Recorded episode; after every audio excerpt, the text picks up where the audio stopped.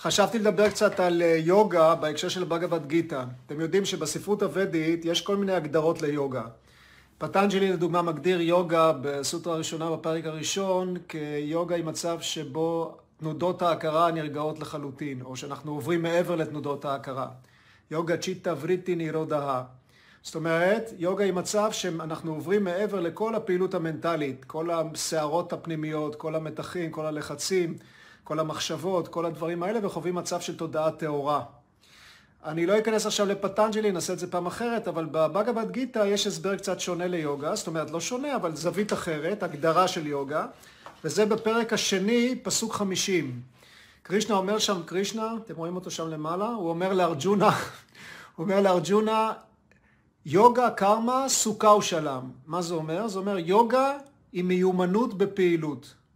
יוגה היא מיומנות בפעילות. עכשיו, המשפט הזה הוא משפט שהוא יכול להיראות די uh, סתום. מה זאת אומרת מיומנות בפעילות? אז מה, יוגה זה מצב שאני פועל בצורה יעילה בחיים ואני משיג את מה שאני רוצה? אז זאת אומרת שאם אני לוקח את המשפט הזה ברמה של הפשט, אז אני יכול להגיד, אוקיי, כל אלה שמצליחים במה שהם עושים, בפעילות שלהם, עושים כסף, מצליחים בעסקים, אה, הכל חיובי דרך אגב, אני לא שולל שום דבר, אבל כל זה, זה יכול להיות אה, בעצם מגדיר את מצב היוגה. אם יוגה היא מצב של אה, מיומנות בפעילות. אבל כמובן שקרישנה כאן מתכוון למשהו קצת אחר. אם אנחנו לוקחים את, את יוגה כמצב שבו אנחנו מבוססים לגמרי, מבוססים במצב שאנחנו עוברים מעבר לפעילות מנטלית, מעבר לבריטים, מעבר לתנודות האלה שקיימות ברמה המנטלית, לרעשים האלו, למתחים האלו, ואז אנחנו חווים מצב של סמאדי, מצב של תודעה טהורה, מצב של שקט פנימי, של ערנות פנימית. אם אנחנו לוקחים את זה כיוגה, אז כשאנחנו אומרים שיוגה היא מיומנות בפעיל, בפעילות, הכוונה היא שכאשר אנחנו נמצאים בתוך פעילות, אנחנו מבוססים עדיין במצב הזה של יוגה, במצב השקט הזה, במצב הבלתי מוגבל הזה של התודעה שלנו. זה כמו שאם אנחנו רוצים שחץ יפגע במטרה, אז הדבר הראשון שאנחנו עושים, אנחנו מושכים אותו אחורה, נכון? על מיתר הקשת. ברגע שאנחנו מושכים אותו לגמרי, הוא שקט לגמרי, אבל הוא מלא באנרגיה פוטנציאלית, ואז ברגע שאנחנו מרפים מהיד, בשיא העוצמה, הוא עף ופוגע במטרה. אז כך כאן קרישנה אומר לארג'ונה, אם אתה רוצה לפעול בצורה נכונה, אתה חייב קודם כל למשוך את החץ אחורה. אתה חייב קודם כל לקחת את תשומת הלב שלך פנימה, לעבור מעבר לפעילות מנטלית רגילה, מעבר למחשבות, מעבר לסערות, מעבר למתחים, מעבר ללחצים. אתה חייב לחוות את המצב הזה של יוגה, את המצב הזה של, המצב השקט הזה של תודעה טהורה, את המצב הזה של סמאדי, ואז, אחרי שתחווה את המצב הזה, תצא לפעולה. ואז הפעילות שלך תהיה יותר מוצלחת. מדוע? כי אז המחשבה שלך תבוא מהמקום העמוק הזה, היא תהיה הרבה יותר עוצמתית, היא תהיה הרבה יותר אנרגטית. ואז כשאתה נמצא בתוך הפעולה, אם המצב הזה של יוגה מלווה אותך גם כשאתה פעיל, אז אתה לא תהיה נתון להשפעה הקרמטית הבעייתית שיש לפעולה.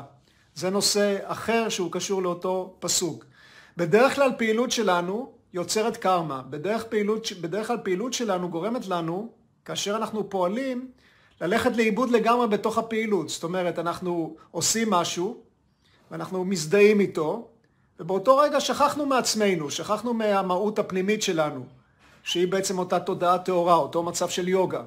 הלכנו לאיבוד בתוך החוויות השונות, ואז מה שקורה שהחוויות השונות יוצרות בנו רישומים פנימיים בתודעה שלנו, זה נקרא במחשבה ההודית סמסקרות.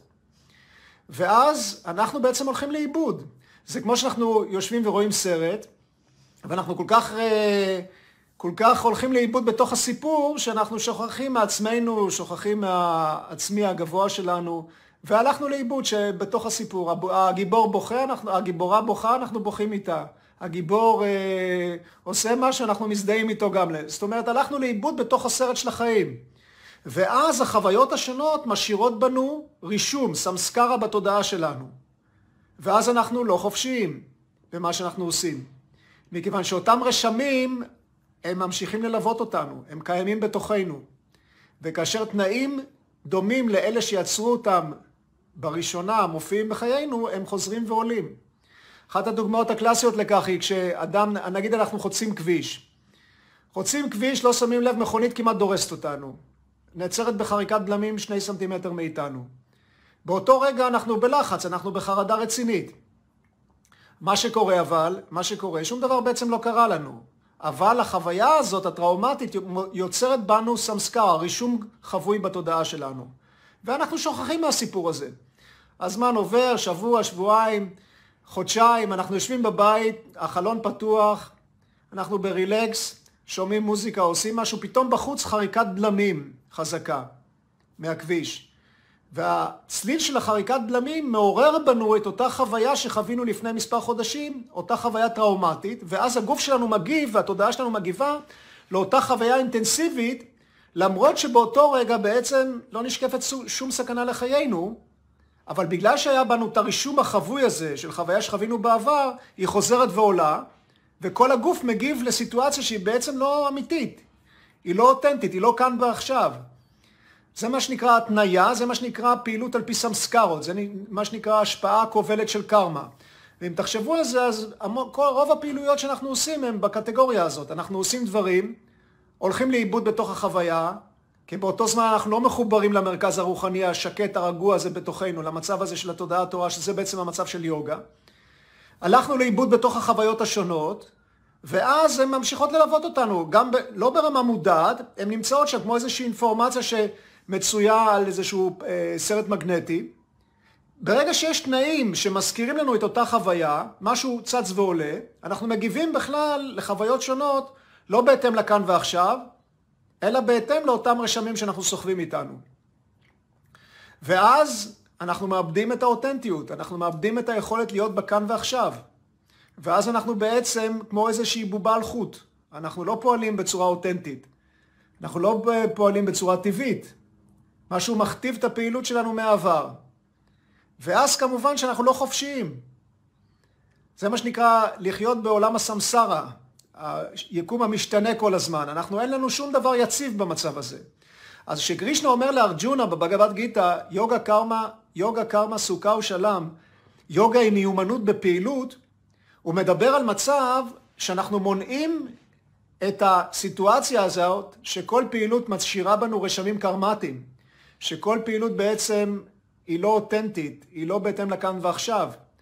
בעצם קרישנה אומר לנו כאן, תיצרו מצב שגם כאשר אתם בפעילות, אתם עדיין חווים את המצב הזה, את המצב הזה של יוגה, את המצב הזה של אי מוגבלות פנימית, שקט פנימי, רגיעה פנימית, מצב הזה של סמאדי. זאת אומרת, יש דבר אחד לחוות את המצב הזה במדיטציה. כשאנחנו עוברים מעבר לפעילות חושית, מפנים את תשומת הלב שלנו פנימה. זה דבר אחד שקרישנה גם מדבר על זה בגבת גיתא, אבל שוב, לא ניכנס לזה עכשיו. דבר שני, זה כשהחוויה הזאת נהיית יותר ויותר יציבה, היא מתחילה ללוות אותנו מחוץ למדיטציה. ואז גם כשאנחנו בתוך הפעילות, בתוך הקרמה, אנחנו עדיין חווים את המצב הזה של היוגה. ואז זה נחשב למיומנות בפעילות. כי אז אנחנו, הפעילות לא כובלת אותנו, היא לא יוצרת זרעים קרמטיים, חוויות קרמטיות שנשארות כסמסקרות, כרשומים חבויים בתודעה שלנו, ואז אנחנו חופשיים בשעה שאנחנו פועלים. אז כשנאמר יוגה היא, אה, יוגה היא מיומנות בפעילות, זה לא אומר שפעילות כאן היא בעייתית. זה כמו שיש הרבה מורים שטענו, אוקיי, כל התחום של הפעילות הוא תחום בעייתי בחיים. כי אנחנו בעצם, כשאנחנו פועלים, אנחנו יוצאים מההתחברות הפנימית שלנו, אבל זה לא הרעיון כאן בבגבד גיתא. קרישנה כאן לא אומר לארג'ונה תפסיק לפעול, להפך, כל הנקודה של הבגבד גיתא היא שקרישנה אומר לארג'ונה צא להילחם. תעשה את הייעוד שלך, את הדרמה שלך בחיים, אבל תעשה אותה בצורה כזאת שאתה חופשי בתוכך ברגע שאתה פועל. שאתה לא פועל כמו איזה בובה על חוט. אתם מכירים את הסיפור של הבגבת גיתא. קרישנה שם נמצא, הוא הרחב של, אה, של ארג'ונה, שהוא מתגלה פתאום להיות לא סתם רחב רגיל, אלא בעצם הוא התגלמות של המציאות המוחלטת של ברהמן. ואז הוא מלמד את ארג'ונה את הידע הטוטלי הזה שמובע בבגבת גיתא. והיכן כל הידע הזה ניתן? בשדה הקרב. בשדה של דרמה. הבגבת גיתא מתחילה במילה קורוק שטרה דרמק שטרה. בשדה הקרב של הקורו, הקורו הם היו, הקורו רבס היו משפחה, אחת מהמשפחות שבבגבד גיתא במעברתא יש את המלחמה בין הקורורבס לפנדבס. ו... אבל הפסוק הראשון בבגבד גיתא אומר בשדה הדרמה, קורוק שטרה דרמה.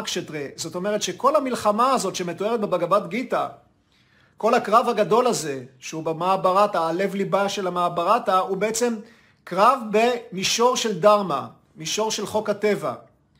זאת אומרת שהוא מייצג כוחות חיוביים ושליליים שפועלים בבריאה. זה לא סתם קרב בין שתי משפחות, זה קרב שמראה בין, אה, הוא מתנהל בין כוחות חיוביים ושליליים בבריאה.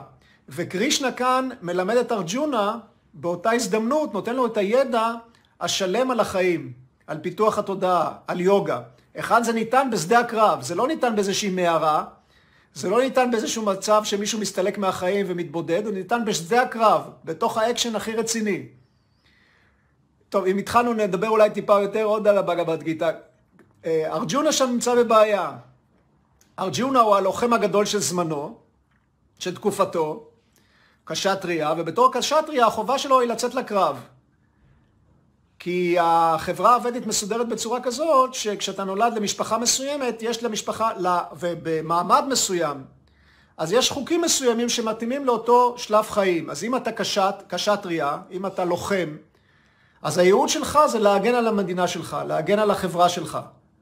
וברגע שאתה פועל לפי הדרמה שלך, לפי הייעוד שלך, אתה פועל בצורה נכונה. עכשיו, הייעוד של ארג'ונה זה להילחם, להגן על הממלכה. מצד אחד. מצד שני הוא מסתכל למחנה האויב של הקורורבס, והוא רואה שם קרובי משפחה שלו, הוא רואה שם אה, ידידים שלו, הוא רואה שם מור... את המורה שלו, את הגורו שלו. זאת אומרת, מה קורה? אנשים שהוא אוהב נמצאים בצד השני של המערכה. בצד השני של מחנה היריב, ואז יש לו בעיה רצינית, כי מצד אחד האינטלקט שלו אומר לו, שמע, אתה חייב לצאת להילחם, זה עוד הדרמה שלך. ונאמר, ונאמר בכתבים הוודים שכשבן אדם, נגיד לוחם, שנהרג בשדה הקרב, מתוך הגנה על הדרמה שלו, אז הוא הולך למקומות הכי גבוהים מבחינה של ההתפתחות של הנפש שלו. זאת אומרת, למות בדרמה שלך זה נחשב למשהו מאוד גבוה, כי אתה עושה את הייעוד האמיתי שלך בחיים. אתה. אתה ממלא את הייעוד הקוסמי שלך. אז מצד אחד האינטלקט שלו אומר, לו, אומר לארג'ונה, אתה חייב לעשות את זה. מצד שני, הלב שלו אומר לו, אתה לא יכול, איך אני יכול ללכת ולהרוג ולפגוע באנשים שכל כך יקרים לי? ואז יש כאן ניגוד חריף בין האינטלקט לבין הרגש, ניגוד שלא ניתן לפתור אותו ברמה הרגילה של האינטלקט. כמה שלא נחשוב על זה ברמה האינטלקטואלית, לא, לא נצליח לפתור את הבעיה הזאת, כי זו בעיה מאוד רצינית. ואז קרישנה, והוא מתיישב, אומר, מפיל את קשתו, ואת חיציו, ושוב, הוא היה הלוחם הגדול, של זמנו, ואומר, אני לא יכול לצאת למלחמה. ואז קרישנה מתגלה לפניו, זאת אומרת שהוא לא סתם רחב שמנהל את המרכבה שלו, רוכב על הסוסיו, אלא הוא באמת אה, מגלם את המציאות המוחלטת, הוא מגלם ידע טוטאלי.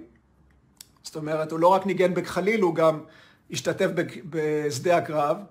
ואז הוא מתחיל לתת לארג'ונה ידע, אז בהתחלה הוא מסביר לו את זה ברמה אינטלקטואלית. הוא מסביר לו, נותן לו את הפילוסופיה של הסנקיה, והוא אומר לו, תשמע, אתה חושב שאם תלך ותהרוג, ואתה הולך להרוג כאן מישהו, אז אתה בעצם הורג אותם, אבל אתה לא הורג אף אחד. מדוע? כי בתוך הגוף, הנפש שלנו, כלי נשק לא יכולים לפגוע בה, ואש לא יכולה לשרוף אותה, ומים לא יכולים להרטיב אותה. היא נצחית, היא בלתי מוגבלת. והיא ממשיכה להתקיים גם אחרי שהגוף הפיזי מפסיק להתקיים. לכן, צא מה...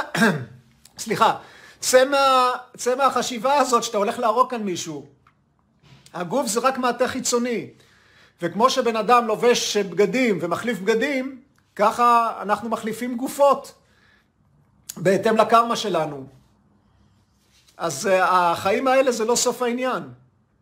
אז קודם הוא הולך והוא מסביר, זה הרבה יותר מפורט מזה, אני פשוט תמצאתי את זה בכמה משפטים. הוא מפרט לו ומסביר לו את כל העניין הזה ביחס, ל, ביחס לכך שהוא לא צריך לדאוג שהוא הולך להרוג כאן מישהו, כי הוא לא הולך להרוג אף אחד. הנפש לא ניתן להרוג אותה.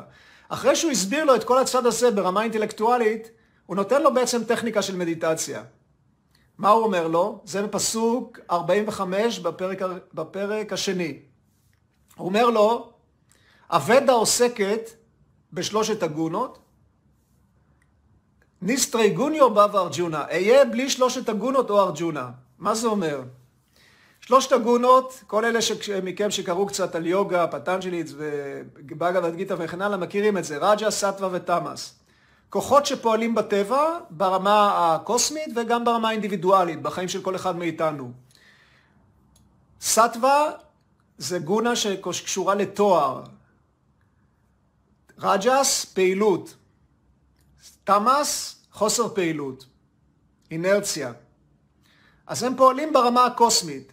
זה שלושת הגונות של פרקריטי, שבפילוסופיה של הסנקהיה, פרקריטי זה הטבע שממנה בעצם כל הבריאה החומרית מתבטאת.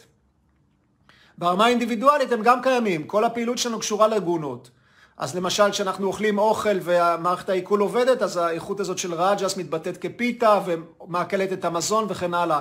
ברמה המנטלית הגונות פועלות, כשסטווה יותר דומיננטית אנחנו יותר מבוססים בתואר פנימי, בשלווה פנימית, כשתמאס מבוסס יותר ברמה של התודעה, אז אנחנו יותר עצלנים ויותר כבדים ויותר איטיים ויותר עושים דברים שהם לא בדיוק תומכים בחיים ואוכלים אוכל שהוא לא נקי ועושים דברים שהם לא, לא הרמוניים עם הסביבה. כשראג'ס יותר דומיננטית אז אנחנו לגמרי באטרף, רצים כל הזמן לעשות, לפעול בצורה מאוד אינטנסיבית, בלי, בלי לנוח, בלי להירגע.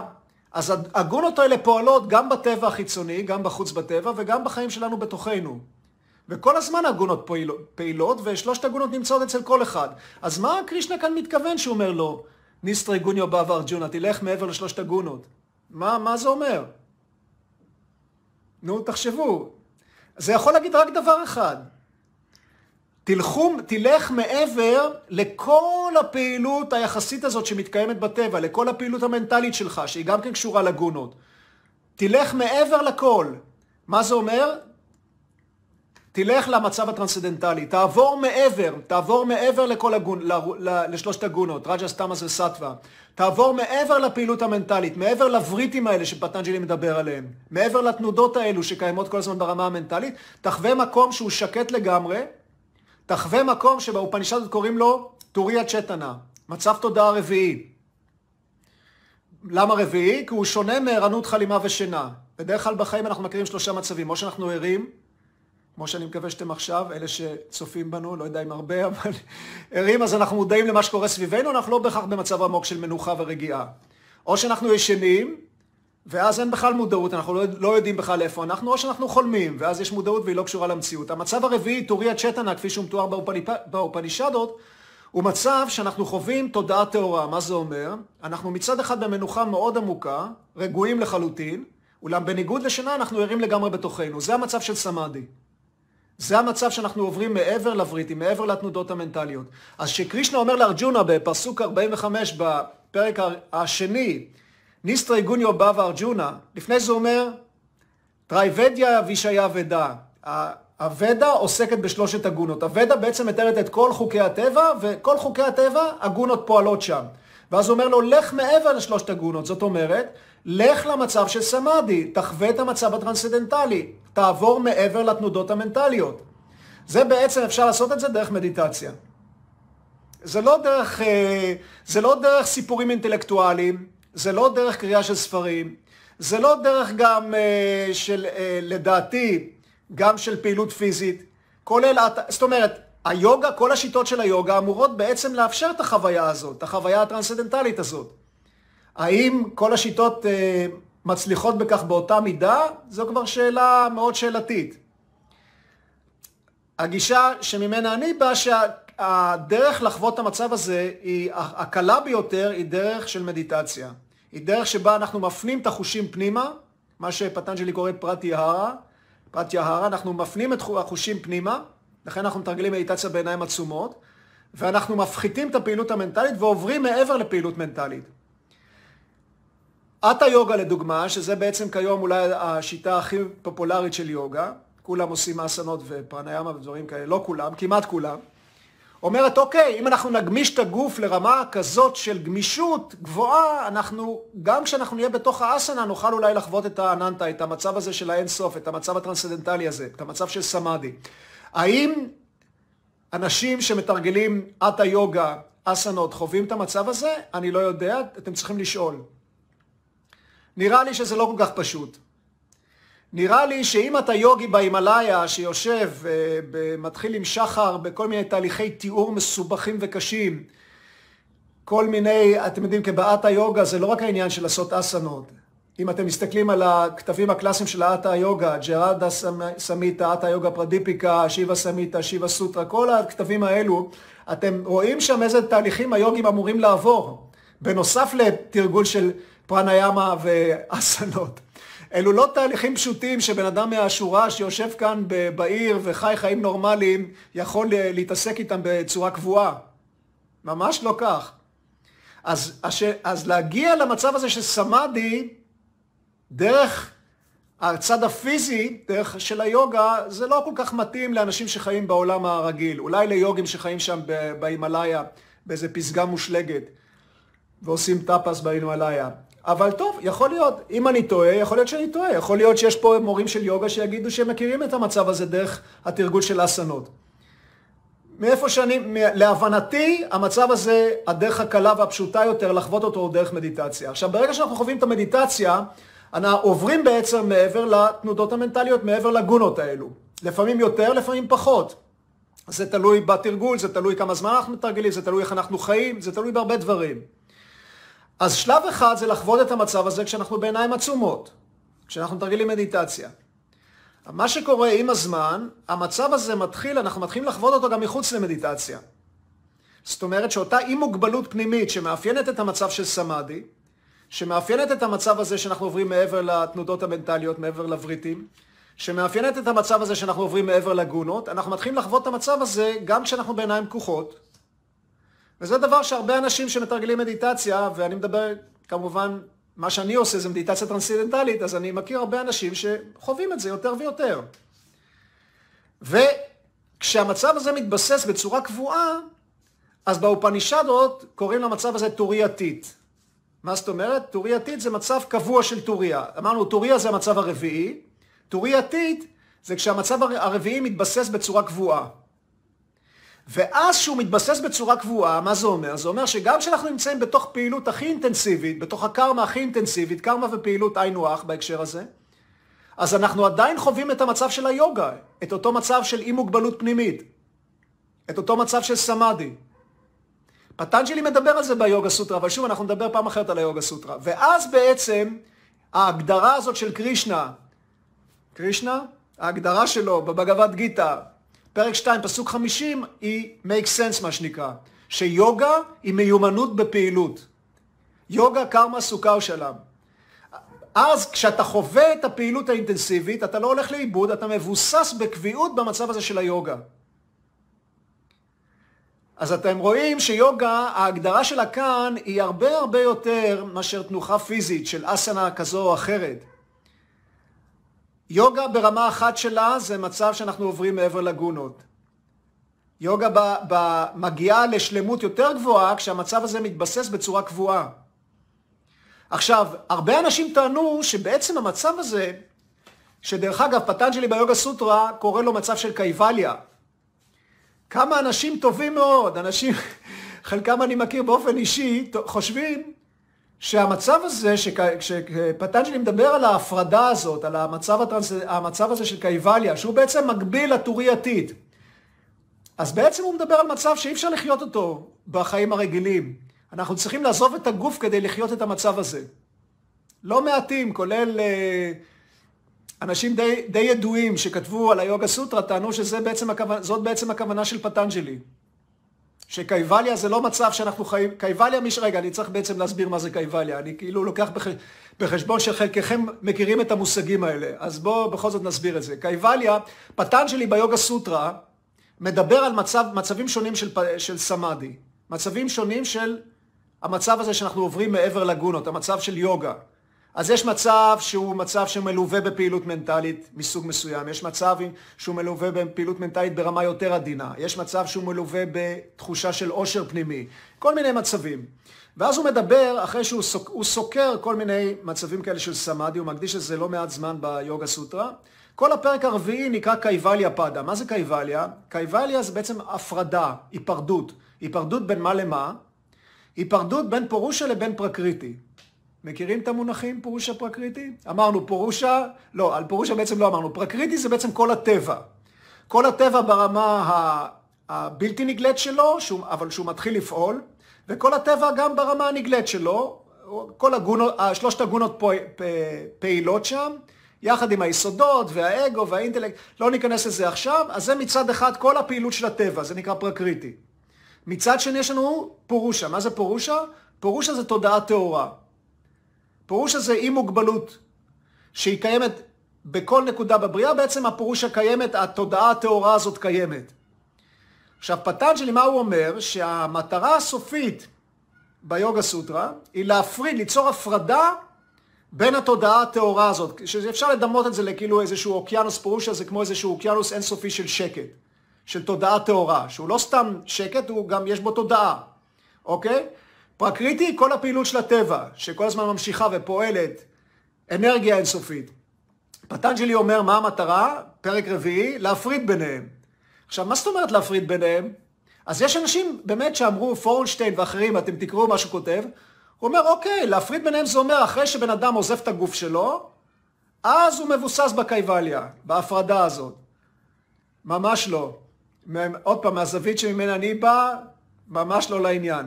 הפרדה הזאת בין פורושה לבין פרקריטי, מה שהיא אומרת, היא אומרת שאנחנו אז מבוססים בטורי עתיד, במצב, הר... במצב החמישי הזה.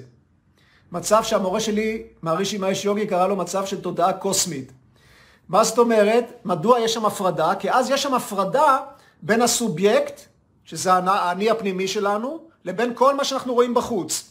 ברמה הפנימית אנחנו מבוססים לגמרי באותה אי מוגבלות, באותו מצב של הפורושה, באותו מצב של סמאדי, באותו מצב של יוגה, באותו אטמן, זה הכל מילים שפחות או יותר מתארים את אותה אי מוגבלות פנימית שנמצאת בתוכנו.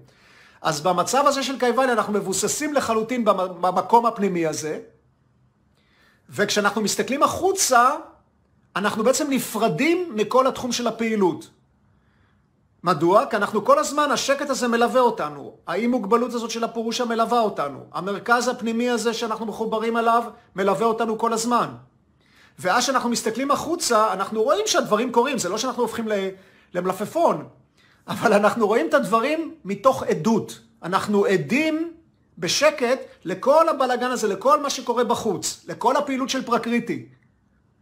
וזה לא מצב שהוא צריך לקרות אחרי המוות, זה מצב שאפשר לחיות אותו כאן ועכשיו.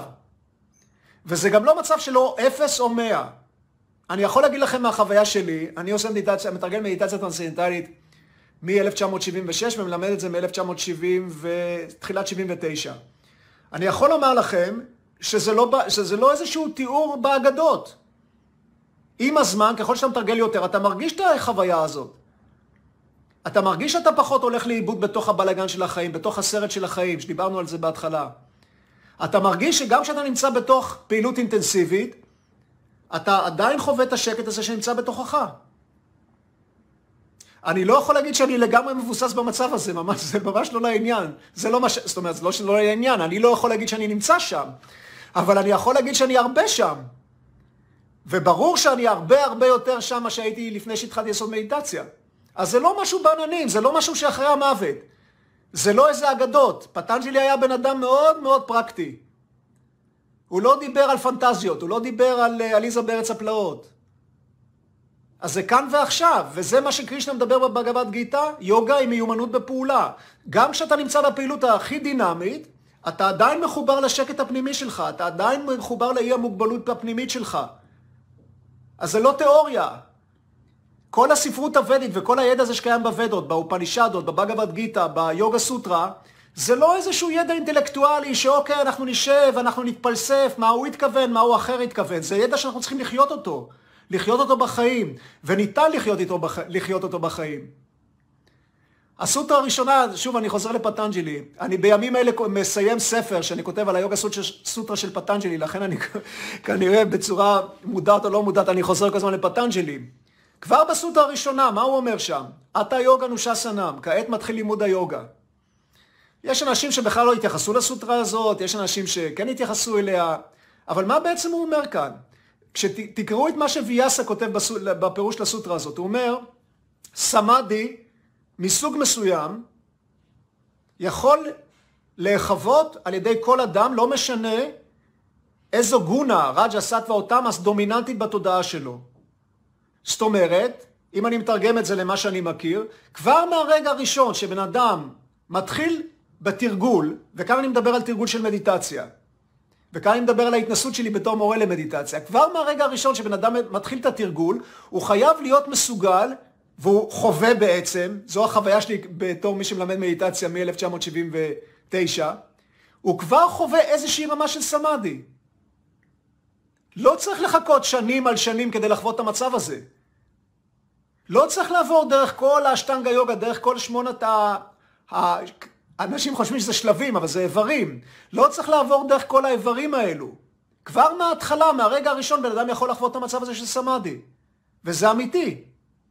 אני לימדתי מעל 4,000 אנשים מדיטציה טרנסידנטית, יכול להגיד לכם, זה אמיתי לגמרי.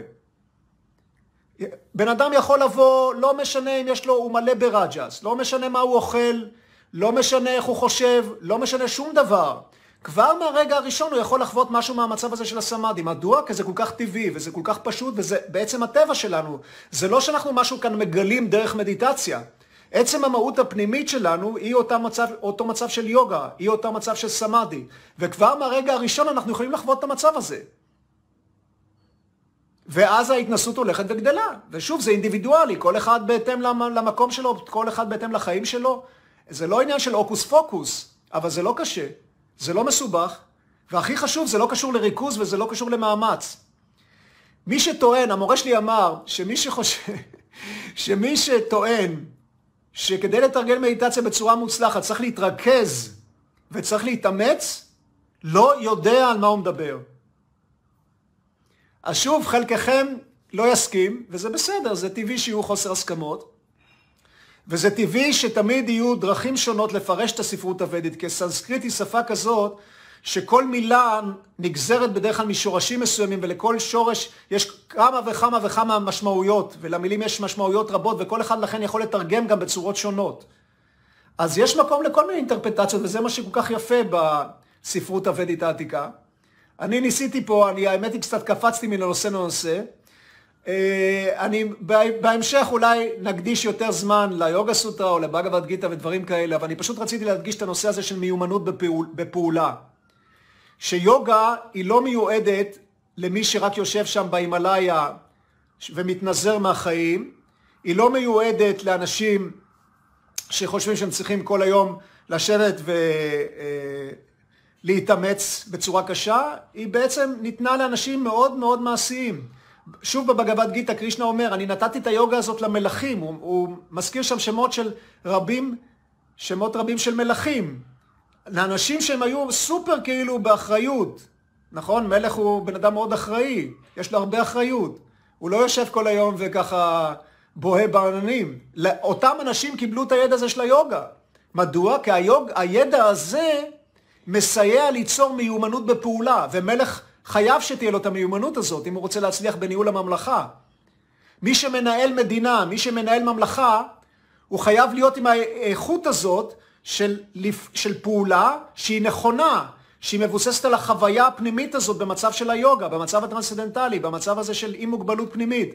כי רק אז הפעילות שלו תהיה בהתאם לחוקי הטבע.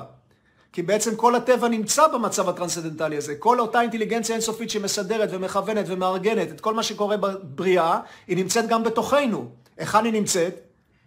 היא לא נמצאת באטרף, היא לא נמצאת במתח, היא לא נמצאת בפוליטיקה, היא לא נמצאת בכנסת, היא נמצאת בתוכנו. היכן בתוכנו? במקום השקט הזה, במקום הבלתי מוגבל הקיים, הפנימי הזה, שהוא בעצם האני האמיתי שלנו. שהוא בעצם, בעצם הסלף שלנו, האטמן שלנו, הפורושה שלנו, הסמאדי, היוגה. תקראו לזה איך שתקראו. אז בעצם, אם אנחנו עכשיו עוברים למשהו יותר אקטואלי, אנחנו מדברים על בחירות.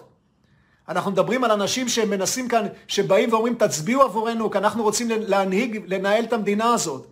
תסתכלו עליהם. כל מה שדיברנו זה, זה בכלל נשמע עבורם אה, עליזה בארץ הפלאות או סינדרלה בעמק השושנים.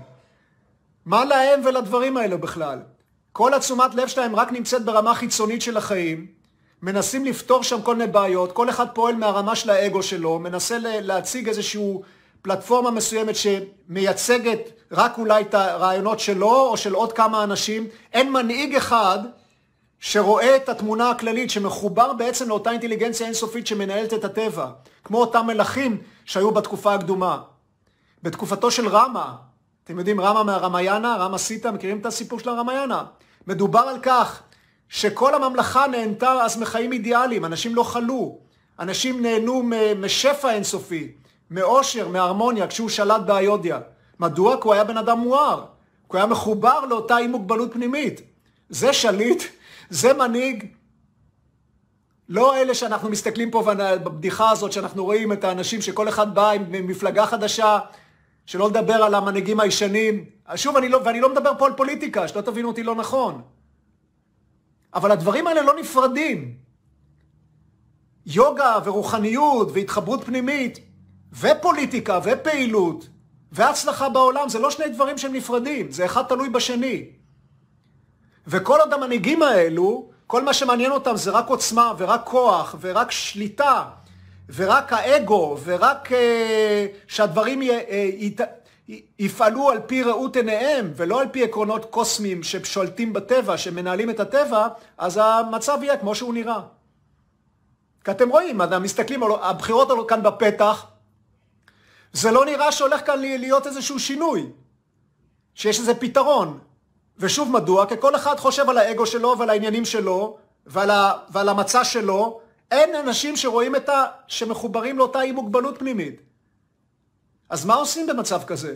זה גם שאלה טובה.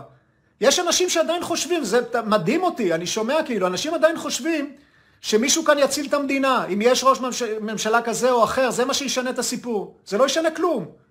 מבחינתי זה לא משנה אם זה נתניהו, או זה שמשיהו, או זה ישעיהו.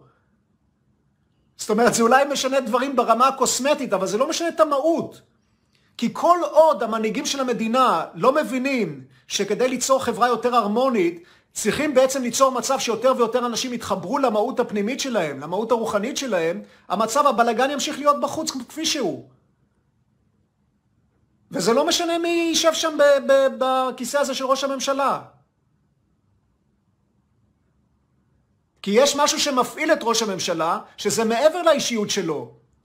זה שברמה האישית יש אה, בלגנים וסיפורים כאלה, אני לא, שוב, זה ברור, אף אחד לא, אני לא נכנס לזה בכלל.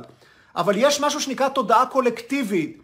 אם אנשים בחברה, כולם במתח, כולם בלחץ, כולם חיים רק את הצד החיצוני של החיים, כולם לא מחוברים, אף אחד, רוב האנשים לא מחוברים בכלל למקום הפנימי הזה, שזה המהות הרוחנית שלנו, שזה האלוהי שנמצא באדם, אז לא משנה, יבחרו את בן אדם אחר, יבחרו את הבן אדם הזה, הבלאגן ימשיך. חוסר ההרמוניה תמשיך. ואם מדברים על קורונה, זה גם קשור לכך. אנשים מפרים חוקי טבע, לא שמים לב לסביבה, לא שמים לב לאקלים, לא שמים לב לאלף ואחד דברים, אז הטבע מגיב בחזרה בסתירות. מה עושים? אז זה לא, זה לא שאני רק מקטר פה משהו כזה, יש מה לעשות. אז כשהכול חשוך, מישהו שאל פעם את המורה שלי, מרישי מיישיוגי, שהוא היה בחיים, הוא נפטר ב-2009. מרישי, הוא אמר לו, זה היה במסיבות עיתונאים ששודרו בלוויין, הוא אמר לו, תראה, העולם בכזה מצב עגום. אתה מדבר על זה שממשלות צריכות לקחת את הידע הזה ולבסס קבוצות גדולות של אנשים שיתרגלו ביחד מדיטציה וכן הלאה, אבל אנחנו רואים שאף אחד בכלל לא מתייחס לזה. ואם אנחנו מדברים על זה, כולם צוחקים. מה לעשות? זו הייתה דרך אגב שאלה מישראל, זה ישראל, לא יודע מי, אבל מישהו שאל אותו בשידור ישיר בלה, באינטרנט, מה עושים? אז הוא אומר, אמר משהו מאוד פשוט. הוא אומר, כשהכל בחושך, you stay in the light. תש... אתה שים לב לעצמך שהחיים שלך יהיו באור. כי הכל בחוץ חשוך, אתה תהיה באור. איך להיות באור? לפנות פנימה. בריג ודה זה נאמר ניברת דואם, פנה פנימה. לך מעבר לפעילות של החושים, לך מעבר לבריטיס, לתנודות המנטליות האלו. פנה פנימה, תרגל מדיטציה. לך למקום השקט הזה בתוכך, שהוא לא סתם שקט, שהוא גם מלא באושר, הוא מלא באהבה, הוא מלא באנרגיה, הוא מלא באינטליגנציה. לך למקום הזה, שבחוץ הכל שקט. והאם אתה חושב שזה משהו ש... שעל ידי ככה אתה מראה איזושהי אה, גישה אגואיסטית? ממש לא. כי ברגע שאתה עושה את זה, זה הדבר הכי טוב שאתה יכול לעשות כדי ליצור הרמוניה בסביבה. ואם יותר ויותר אנשים יעשו את זה, אנחנו נראה עולם אחר. ואז הופפולי, מי שינהיג גם את המדינה הזאת יהיה מישהו אחר, שהוא באמת יהיה משכמו ומעלה, ובאמת תהיה לו תודעה, שהיא תהיה תודעה שתוכל אה, ליצור, להנהיג חברה שהיא תהיה הרבה יותר אידיאלית. טוב, אז אני קצת אה, נסחפתי כאן להרבה מאוד נושאים, מקווה שזה לא היה לכם עמוס מדי. שמחתי לדבר איתכם, זו פעם ראשונה שאני עושה כזה שידור לתוך הקבוצה בפייסבוק, מקווה שזה יצא בסדר. אז uh, שמחתי לדבר איתכם וכל טוב, ואני מקווה שאתם נהנים מהסגר. זה זמן טוב, הסגר הזה זה זמן טוב ללכת פנימה. אז אני ממליץ על מדיטציה. אז להתראות בינתיים, ביי ביי.